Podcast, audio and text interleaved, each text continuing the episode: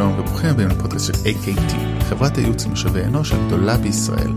בפרק הראשון, קרן שקד, Head of Experience Management ב-AKT, ומיכל אפטר, יועצת Experience Management, בשיחה על ניהול חוויות, ובתוך זה גם על כלכלת החוויות, איך מגדירים חוויית לקוח, ואיך זה מתחבר לחוויית העובד, איך מעצבים ומודדים חוויה, מה ההבדל בין שיווק לחוויית לקוח, מה עשו באמזון, ואיך כל זה קשור למערכות יחסים ורגשות. הקול הראשון שתשמעו של קרן, והקול השני שתשמעו של מיכל. האזנה נעימה. טוב, אז היום מדברים על אה, כלכלת החוויות. וכלכלת החוויות היא הכלכלה שמגיעה בתור אחרי הכלכלה החקלאית ואחרי התעשייתית ואחרי זה כלכלת השירותים.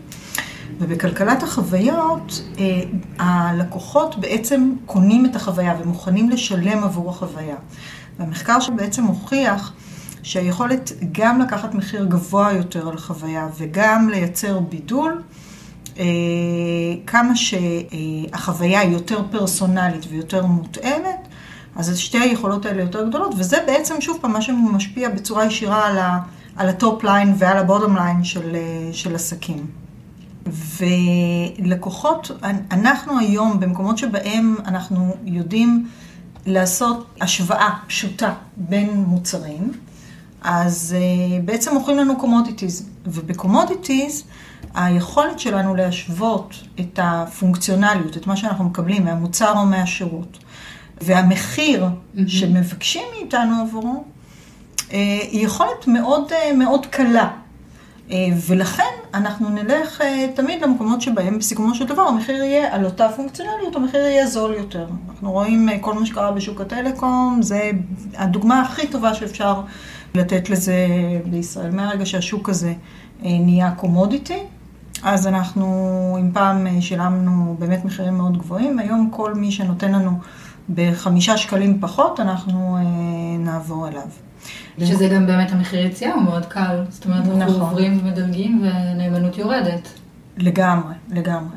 הנאמנות, תראה, מצד שני, אנחנו רובנו, רוב מערכות היחסים שלנו הם אה, במקומות ש... שאנחנו כן מייצרים, אנחנו כאילו מגיעים עם איזשהו צ'יפ בילט אין של לויאליות.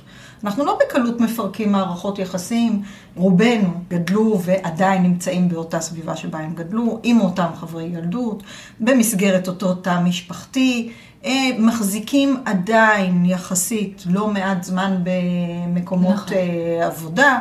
אז אנחנו, יש לנו את הרצון אה, להיות לויאליים. בכלל, לקחת ולפתח מערכת יחסים חדשה, זה דורש מאיתנו הרבה אנרגיות אה, נפשיות שאנחנו מאוד חסכנים באנרגיות האלה.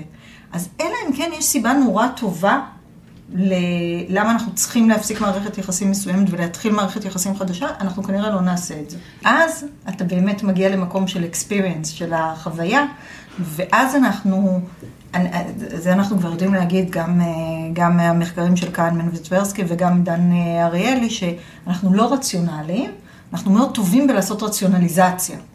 אז אה, אם ההחלטות הן באמת לא רציונליות, אז הן לא רציונליות בהינתן פרמטרים מסוימים. זאת אומרת, כמה שיותר, שוב, קל להשוות בין נכון. הפונקציונליות והמחיר, אז ההחלטה כן תהיה כמה שיותר רציונלית. כמה שאנחנו נדע לתת ללקוחות יותר אה, חוויה ולהפעיל יותר את הרגש, אנחנו נהיה מוכנים לשלם את הפרמיה הזאת, ובסוף גם נדע להסביר לכל החברים שלנו, לכל הקולגות שלנו, למה היינו מוכנים לשלם יותר. נכון, וגם לפעמים אנחנו לא יודעים להסביר, פשוט יודעים שנעים לנו שם, או כיף לנו שם, או שמשהו עשה לנו טוב, או שאני מאוד גאה שיש לי מכשיר מסוים, וזה באמת זה משהו שלא, הוא, הוא מאוד לא יושב על הרציונליזציה, כי אני יכולה לשלם הרבה פחות במקום מסוים. אני חושבת שזה בדיוק הנושא, שיש פה באמת אתגר בפעם הראשונה, אתגר מאוד גדול לחברות, כי יש פה איזשהו שינוי תפיסתי שהן צריכות להבין, כי כן. בגלל שהחוויה היא מאוד סובייקטיבית, ובגלל שחוויה לא מדברת אולי ביזנס, אלא מדברת רגשות, אה, ואנחנו גם צריכים לשייך את הרגשות האלה לביזנס, אה, אז יש פה שינוי משמעותי. לגמרי, לגמרי. אני חושבת שזאת באמת נקודה טובה אולי אה, לעצור אה, רגע ולהגדיר איך, אה, איך מגדירים חוויית לקוח. וחוויית לקוח, ההגדרה המילונית שלה זה שזה התוצר של כל האינטראקציות בין ארגון לבין הלקוח או הלקוחה שלו, על פני כל משך הזמן של מערכת היחסים ביניהם, כפי שהלקוח או הלקוחה תופסים, מבינים וזוכרים. כמו, כמו שאת אמרת קודם, אני חושבת ששווה להתעכב פה על שני דברים. פעם אחת בכלל איך אנחנו מגדירים לקוח. היו לנו הרבה דיונים כאלה, מה נחשב לקוח, ויש ארגונים שבאים ואומרים לנו אין לקוחות. יש לנו מטופלים, או סטודנטים, או חיילים, אז, אה, אז השאלה בכלל מי זה לקוח, והאם אה, רק כשמתבצעת אה, טרנזקציה כספית, אז באמת מדובר בלקוח, שזאת השאלה הראשונה. והנקודה השנייה ששווה להתעכב עליה, זה באמת שמדובר על כל האינטראקציות, כל משך הזמן, ושההגדרה הזאת היא מאוד מאוד סובייקטיבית, זה בעיניים של הלקוח. אז אה, בואי נדבר שנייה באמת על ה... על, על... כשאנחנו אומרים לקוח, למה אנחנו מתכוונים? Mm-hmm. או לקוחה. אז ההגדרה של לקוח או לקוחה היא באמת הגדרה, מילה מאוד כוללת, שהרעיון שעומד מאחוריה זה לייצג את כל מי שצורך מאיתנו אה, שירות או, או מוצר. והנושא של הטרנזקציה הכספית, אם הוא כן משלם על זה או לא משלם על זה, בכלל לא קשור. שאלו אותי ככה כמאתגר, אה, כשאלה מאתגרת, אז מה, גם בעלך הוא הלקוח שלך? גם הילדים שלך הם לקוחות שלך? אז מה את עונה על זה? שכל, כן, שכל בן אדם שאנחנו אה, נמצאים איתו באינטראקציה, אז לגמרי עונה להגדרת לקוח. וכשאני מכינה לילדים שלי ארוחת ערב, אז לצורך ארוחת ערב הם לקוחות. וגם פה יש אה, משך זמן של מערכת היחסים, ויש אה, עליות וירידות ורגשות לאורך התקופה הזאת. אה, ובסיכומו של דבר, המטרה שלי זה לייצר אצלם את אותו, את אותו רגש, ש... כן, שהם ירצו להמשיך את מערכת היחסים. או כשאת רוצה לשכנע ילד מסוים לעשות משהו. אז לצורך העניין, הוא לקוח שאת מעצבת את התודעה שלו. אבל זה כאילו, זו הגבלה ממש מעניינת, כי בסוף זה מחזיר אותנו לעניין הרגשות, גם לבני זוג שלנו וגם לילדים שלנו. Mm-hmm. אנחנו לפעמים רוצים שהם ירגישו ששמחים, ואנחנו עושים את הפעולות כדי שהם ירגישו שמחים. ולפעמים אנחנו יודעים שאנחנו צריכים גם לעשות דברים שלא מתאים לנו באותו רגע, ולהכיל אותם או לגרום להם אה, אה, להרגיש בצורה מסוימת, ואנחנו מכוונים את הפעולות שלנו לזה. וזה בדיוק העניין, כי כשמבינים בסוף את הבסיס של איך אתה רוצה שהבן אדם השני ירגיש כשהוא יוצא מהחוויה איתך, אז זה מאוד קל לכוון את הפעילות. זה בכלל לא, לא שאלה אם אני יכול או לא יכול, אני מכוון אותה כרגע. אז מבחינתך כל מה שקשור בעיצוב חוויה הוא בעצם אה, שליטה ברגש או עיצוב רגשות? אה, יש בזה הרבה בעיצוב הרגשות, כן, okay. אוקיי. מאוד. אה, יש בזה הרבה עולמות של אמפתיה, mm-hmm. שאנחנו צריכים לדעת לפתח אותם. בכלל זה נושא חשוב לדעת לפתח אותו. וכן, כשמעצבים חוויה, כדי שחוויה תהיה זכירה, ותהיה זכירה באופן חיובי, אנחנו רוצים לייצר שם רגשות חיוביים. בסופו של דבר ככה הזיכרון, ככה הזיכרון שלנו עובד. מייצרים רגשות חיוביים בפיקים מסוימים במסע הלקוח, ובצורה מסוימת, ובצורה כזאת אנחנו זוכרים את האירועים. אנחנו כולנו רוצים לחזור למקומות שהזיכרונות שלנו, שלנו טובים משם, או להיות באינטראקציה עם מקום שהזיכרון שלנו טוב שם, או עם חברה, או עם בן אדם. אז תגידי רגע, אז פה אה, יש אה, את השאלה שתמיד מתבקשת, ש... מעניין אותי כאילו מה את אומרת לזה, לי יש את התשובה שלי, אז מה, אז תמיד צריך להוציא את הלקוח אה, מרוצה? תמיד צריך שהוא יהיה מבסוט? לא. התשובה היא לא.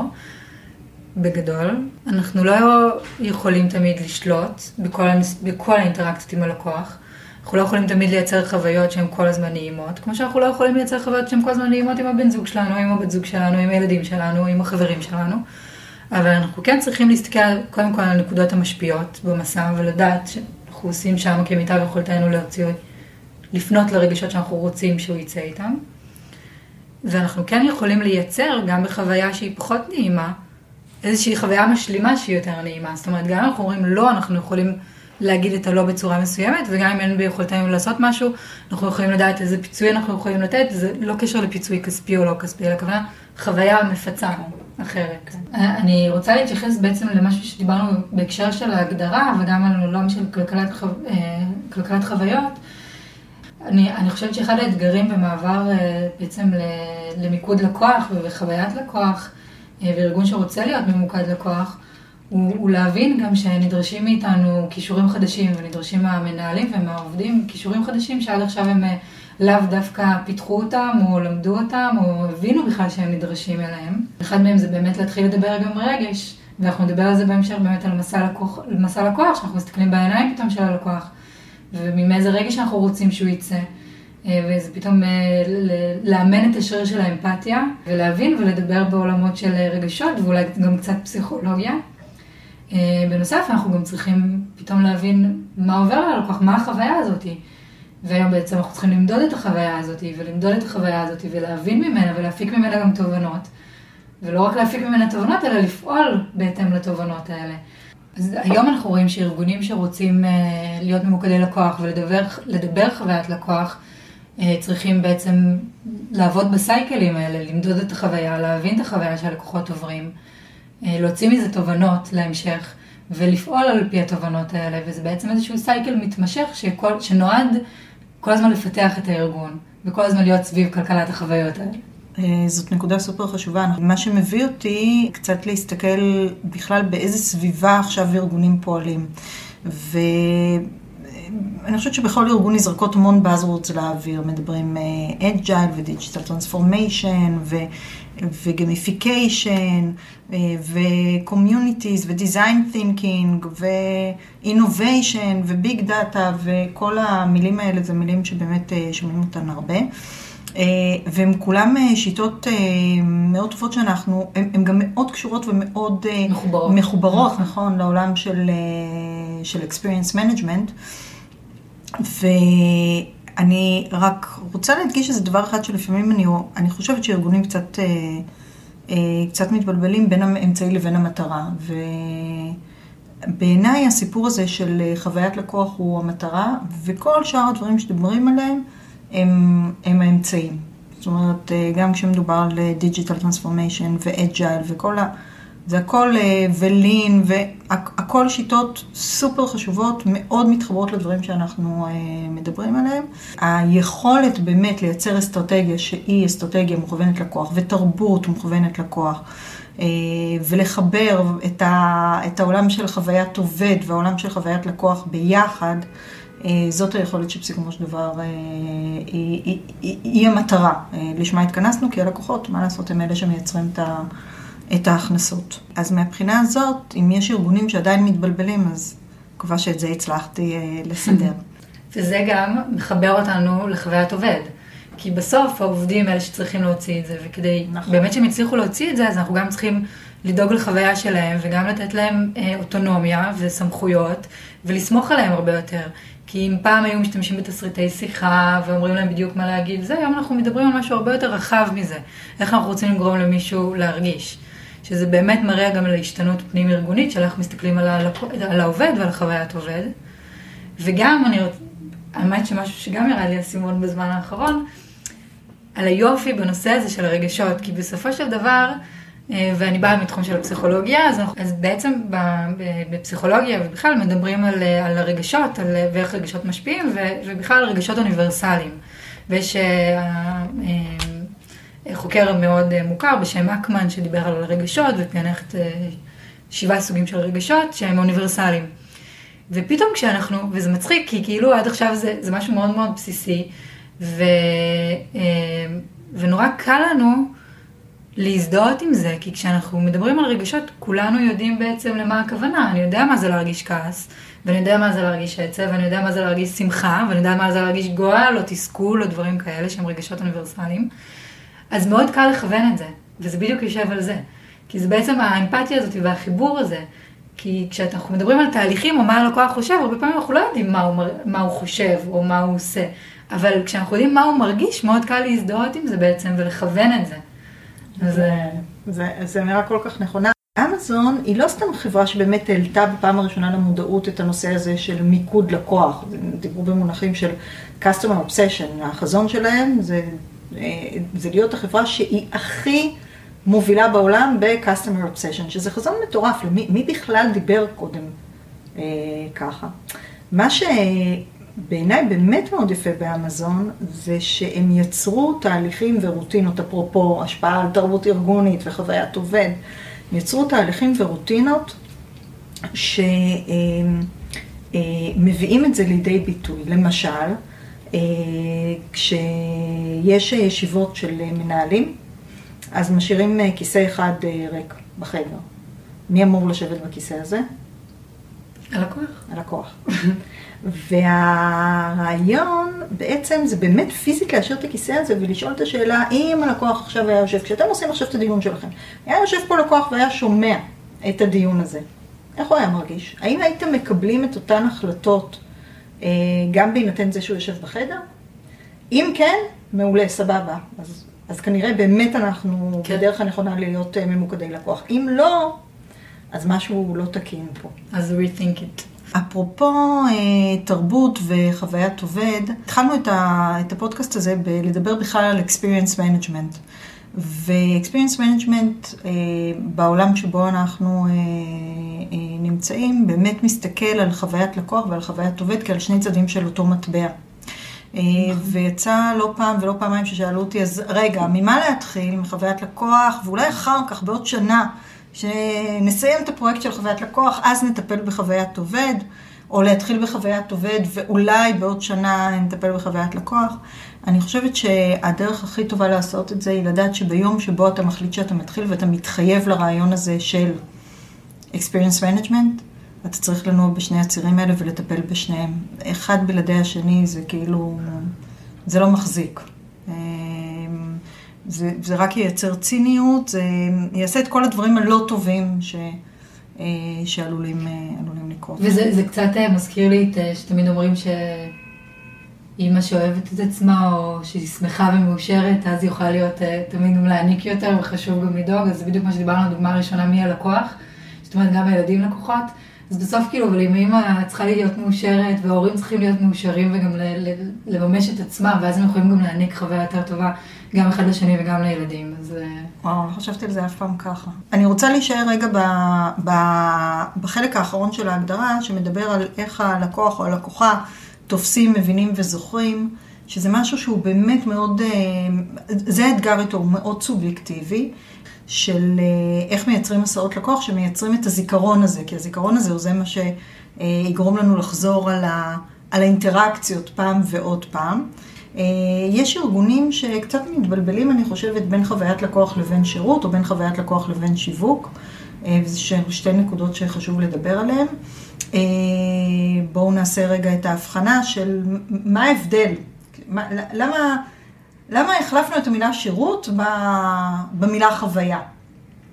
אז זה לא החלפה בעיניי, זה באמת שני דברים שונים. כי שירות היא פונקציה ארגונית, שבדרך כלל, היא נקודת מגע כמובן בין הלקוח לארגון, אבל היא בדרך כלל מטפלת בבעיות שנוצרו כתוצאה מזה שלא בטוח שהחוויה הייתה כל כך טובה עד עכשיו, ואז מתקשרים אה, או יוצרים איזשהו קשר כדי, אה, תטפלו לי, יש לי בעיה או יש לי שאלה או...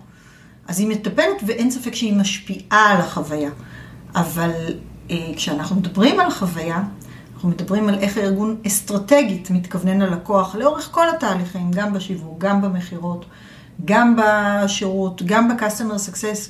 כל הדברים האלה צריכים לדבר באותה שפה, אי אפשר להפיל את זה רק על, ה, על השירות.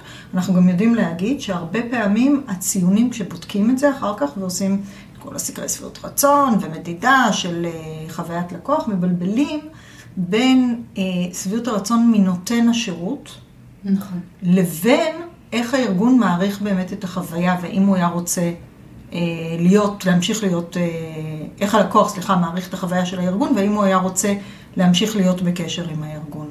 וציוני שביעות הרצון מה, מנותני השירות הם גבוהים, הם טובים. זאת אומרת, הבן אדם שנמצא בסיכומו של דבר מול הלקוח, איתו היה, הייתה אחלה חוויה. עם הארגון, אני לא בטוח שאני רוצה להמשיך לעבוד. אז זה לגבי ההבדל בין שירות לבין חוויית לקוח. ההבדל בין שיווק לבין חוויית לקוח זה במקום אחר דווקא. גם שיווק זו נקודת מגע, רק להבדיל משירות שהיא בדרך כלל נקודה ריאקטיבית, היא מהמקום שבו מגיבים לפניות של לקוחות, אה, שיווק הוא זה שיוצר את ה-brand promise. והמקום שבו הדברים האלה מתחברים, זה שהשיווק יוצר את ה-promise, וה-experience הוא זה שמדלבר, הוא זה שנותן את, ה, את ההתנסות בפועל, שצריכה להיות בהלימה לאותו promise. אה, וכמה שיותר אנשי שיווק ייכנסו יותר לעומק בהיבטים של מה קורה בפועל, לא מה הם אה, מהגגים בקמפיינים, אלא שזה נפלא ומופלא כשלעצמו, אבל איך באמת כל מה שקורה אחר כך במכירות ובשירות ובדיגיטל ובאופליין, כל הדברים האלה באמת עומדים בהלימה לאותו brand promise, ככה אנחנו באמת נייצר את אותה חוויה שאנחנו אה, מדברות עליה. נכון, כי בעצם החוויה היא התוצר של הציפייה למול מה שקורה בפועל. אז אם השיווק הם מייצרים את הציפייה של מה הולכת להיות החוויה, ופתאום יש אה, אה, פערים מאוד מאוד גבוהים, אז אנחנו מרגישים רגשות או חוויה פחות נעימה. ואגב, אחרי זה השירות גם צריך לתת כן. לזה מענה. נכון. ולהפך. ובעצם ככל שבאמת כל הפונקציות הארגוניות יהיו אה, מאוחדות סביב משהו אחד, שזה מאוד קל גם לאחד את זה סביב לקוח, בגלל שהוא בן אדם ושהוא לקוח, ואנחנו מאוד יכולים להתחבר לזה, כי יום אחד אנחנו לקוחות ויום אחד אנחנו עובדים, הרי אנחנו, זה אותו, זה, זה אותו מטבע. אמ, אז, אז ככל שכולם יהיו באמת מעורבים בתהליך כזה, או, או מבינים את המשמעות של זה ולוקחים חלק בו, אמ, אז, אז הארגון יהיה יותר אה, ממוקד לקוח. זה זמן טוב שקרן אולי תוכלי לספר לנו, אם ארגון רוצה להתחיל ולהיות ממוקד לקוח, מהם אבני הבניין או מה אנחנו מסתכלים, המתודולוגיה הנכונה. כן. אז אה, אנחנו מדברים על שבע אבני בניין, אה, שמתחילות מהגדרה של האסטרטגיה. זאת אומרת, כשבארגון הספציפי הזה שבו עסקינן, כשאנחנו אומרים חוויית לקוח, למה אנחנו מתכוונים? מה זה אותו כוכב צפון, מהם אותם ערכי חוויה, שלאורם כל מה שקורה עכשיו בארגון אה, עומד, ב, עומד בהלימה, ושאנחנו נדע אחר כך גם לבדוק את זה. הכי גרוע בעיניי בכל האסטרטגיות ובכל אה, הדיבור על ערכים, זה שזה מתרגם אחר כך לאיזשהו פוסטר על הקיר. פה אנחנו כבר בשלב האסטרטגיה מגדירים גם איך אנחנו הולכים למדוד את זה בהמשך. זאת האבן בניין הראשונה. האבן בניין השנייה זה הדיזיין, זה העיצוב של מסעות לקוח ופרסונות וכל הדברים. שהרבה אה, משתמשים בטרמינולוגיה הזאת, צריך לזכור אבל שאלה כולו כלים בלייצר את החוויה. אבן הבניין השלישית נוגעת בדברים שדיברנו עליהם אה, קודם ואת ציינת אותם אה, ובצדק, זה הנושא של מדידה. מהם הפרמטרים שאנחנו משתמשים בהם כדי למדוד את חוויית לקוח, איזה מדדים, Customer Satisfaction, NPS, Customer Effort, CXI, אמ, ובכלל איך אנחנו מייצרים אה, מדידה שרותמת גם מנהלים וגם עובדים, ומי נמדד על מה, ומי מקבל recognition ו-reward על mm-hmm. מה. זאת אומרת, הסיפור הזה של מדידה הוא מכלול, זה לא רק המדד עצמו, אלא כל מערכת המדידה. בסוף, ארגונים, אה, מנהלים, סליחה, ועובדים, כולנו, עושים את מה שאנחנו נמדדים עליו. נכון. אה, וכשיש חוסר הלימה בין דיבורים על חוויית לקוח, לבין האם מודדים חוויית לקוח, והאם מישהו בסוף נמדד על זה, זה אחד מהמקומות שבהם יש את הכשלים הכי משמעותיים. האבן בניין הרביעית היא הנושא של ה-governance, של איך מנהלים את זה לא כפרויקט, אלא כ-way of living. אה, בארגון, מבעלי התפקידים הרלוונטיים, כן מנהל חוויית לקוח, לא מנהל חוויית לקוח, למי הוא צריך להיות כפוף, צריך להיות כפוף למנכ"ל, הוא צריך להיות כפוף לשיווק, מה, עם מי הוא עובד, מי הצוות שלו, איזה בעלי תפקידים יש שם. בעצם אנחנו מציעים בפועל את האסטרטגיה. לגמרי, לגמרי. איך מייצרים באמת את ה pipeline של תוכניות העבודה mm-hmm. בנושא של חוויית לקוח, איזה צוותים עובדים בארגון, איך מחברים את זה ל lean ול digital transformation, כל מה שקשור בזה. אה, אחר כך אנחנו נדבר על הנושא של התרבות. אה, ופה זה מאוד אה, מחובר חזק לנושא של חוויית עובד, איך מייצרים תרבות ארגונית שהיא מוכוונת לקוח. וכמעט לפני האחרון זה הנושא של הטכנולוגיה. איזה כלים טכנולוגיים יכולים לתמוך בנו בזה היום, אה, אני הגעתי למסקנה אחרי באמת אין ספור סדנאות ועבודות עם ארגונים, שכל עוד אין טכנולוגיה שתומכת את הנושא של חוויית לקוח, זה הרבה פעמים עלול להיגמר בנפנופי ידיים בחדר. Mm-hmm. טכנולוגיה היום כלי אה, סופר משמעותי, באמת בשביל להיות מסוגלים לוודא שכל מה שאנחנו מדברים עליו בסדנאות כאלה ואחרות, או בישיבות אה, כאלה ואחרות, בסוף יוצא לפועל. בעצם הטכנולוגיה יכולה לעזור לנו לממש את כל אחד מהאבני בניין האלה, כי היא עוזרת לנו גם בנושא של מדידה. וגם בנושא של אה, איך מנהלים את זה. לגמרי. אנחנו יכולים לייצר על גבי הטכנולוגיה בעצם מעגלי עבודה. וגם אנשים שקשורים לזה ולחבר את המנהלים לזה. אז היא נוגעת בעצם בכל אחד מאבני הבניין, בניין, היא בעצם נכון. עוזרת לנו, תומכת לנו בכל התהליך. נכון, נכון. אמ, אז עד עכשיו דיברתי על שש אבני בניין. השביעית, שהיא ממש, היא יושבת במרכז, כי בלעדיה אי אפשר לעשות כלום. לא אסטרטגיה ולא עיצוב ולא מדידה ולא כלום, זה customer insight. והאבן בניין הזאת מדברת על באמת על כמה טוב אנחנו מכירים את הלקוחות שלנו, אה, וכמה אנחנו יודעים וצופים, מסוגלים לצפות מה, מה, ממה שאנחנו כבר יודעים, את מה יהיה הדבר הבא שהם, אה, שהם יצטרכו. כל, ה, כל האבני בניין האלה, זה, זה עבודה שבעצם אף פעם לא נגמרת. זה כל הזמן לעבוד בזה וכל הזמן לשפר ולשפר ולשפר, כי אה, כל הסיפור של אה, חוויית לקוח, מה שמעניין זה שהוא תמיד אה, יוצר את הציפיות, והציפיות האלה תמיד הולכות בכיוון אחד, כלפי, רק כלפי מעלה. אז, אז, אז זה כל הזמן לעבוד בזה. כן, שזה יכול להישמע מאיים, אבל אני חושבת שהכוונה היא פה היא באמת, היא להיות כל הזמן ב... פשוט במודעות, במה שהלקוח עכשיו צריך או רוצה או, אה, או, או מרגיש. וזה לאו דווקא משהו שנצטרך להשקיע בו יותר כספים או להיכנס לאיזשהו אה, הוצאות אה, מיותרות, זה להפך, זה, נכון. זה יותר להתאים את זה, זה דווקא לעבוד בצורה שהיא הרבה יותר ממוקדת, שיכולה לעזור לארגון גם לייעל את העבודה שלה ולשפר את העבודה. לגמרי. אז באמת, אה, חוויית לקוח זה עולם ומלואו, שאפשר אה, להמשיך ולדבר עליו אה, שעות. דיברנו היום קצת על, נתנו טעימה, איזשהו ספתח לנושא, דיברנו על רגשות, דיברנו על, בכלל על כלכלת החוויות, על מה זה experience management, על איך מודדים, על, על אבני הבניין של חוויית לקוח, על הכישורים החדשים שארגונים צריכים ללמוד. קרן, יש לך איזה משפט סיכום? כן, אה, אני מנסה כן למצות את כל העולם של חוויית לקוח לאיזשהו משפט אחד תמיד שהייתי רוצה שאנשים ייקחו אותו הלאה. והמשפט הזה אה, אומר שאם אנחנו אה, כמובילי חוויית לקוח בארגון, נהיה עסוקים לא רק בלחשוב איך לעשות תהליכים שהם יותר פריקשנלס ו... עובדים יותר טוב ויותר יעילים, שזה הכל מטרות מאוד מאוד ראויות, וכמובן יש קשר בינם לבין חוויית לקוח. אה, הדבר הכי משמעותי בעיניי זה לראות איך מי שעומד מולך, איך אתה יכול לעזור לו להצליח. כי אם אנחנו נצליח, וזה השלב הבא בחוויית לקוח, הטרנספורם, אם אנחנו נצליח אה, לעזור למי שעומד מולנו להיות יותר טוב ממה שהוא היה לפני שהוא נכנס לאינטראקציה איתנו, זאת בעיניי המטרה האולטימטיבית. תודה רבה מיכל ותודה רבה קרן, זה היה באמת דיון מרתק. ואני מזמין אתכם המאזינים לעקוב ולהקשיב לנו באפל, בספוטיפיי ובכל מקום אחר בו אתם מאזינים לפודקאסטים. אתם מוזמנים לכתוב לנו ב-info at aktglobal.com, לספר לנו מה חשבתם, שאלות שעלו לכם, או בקשות לפרקים עתידיים. נתראה בקרוב. ביי.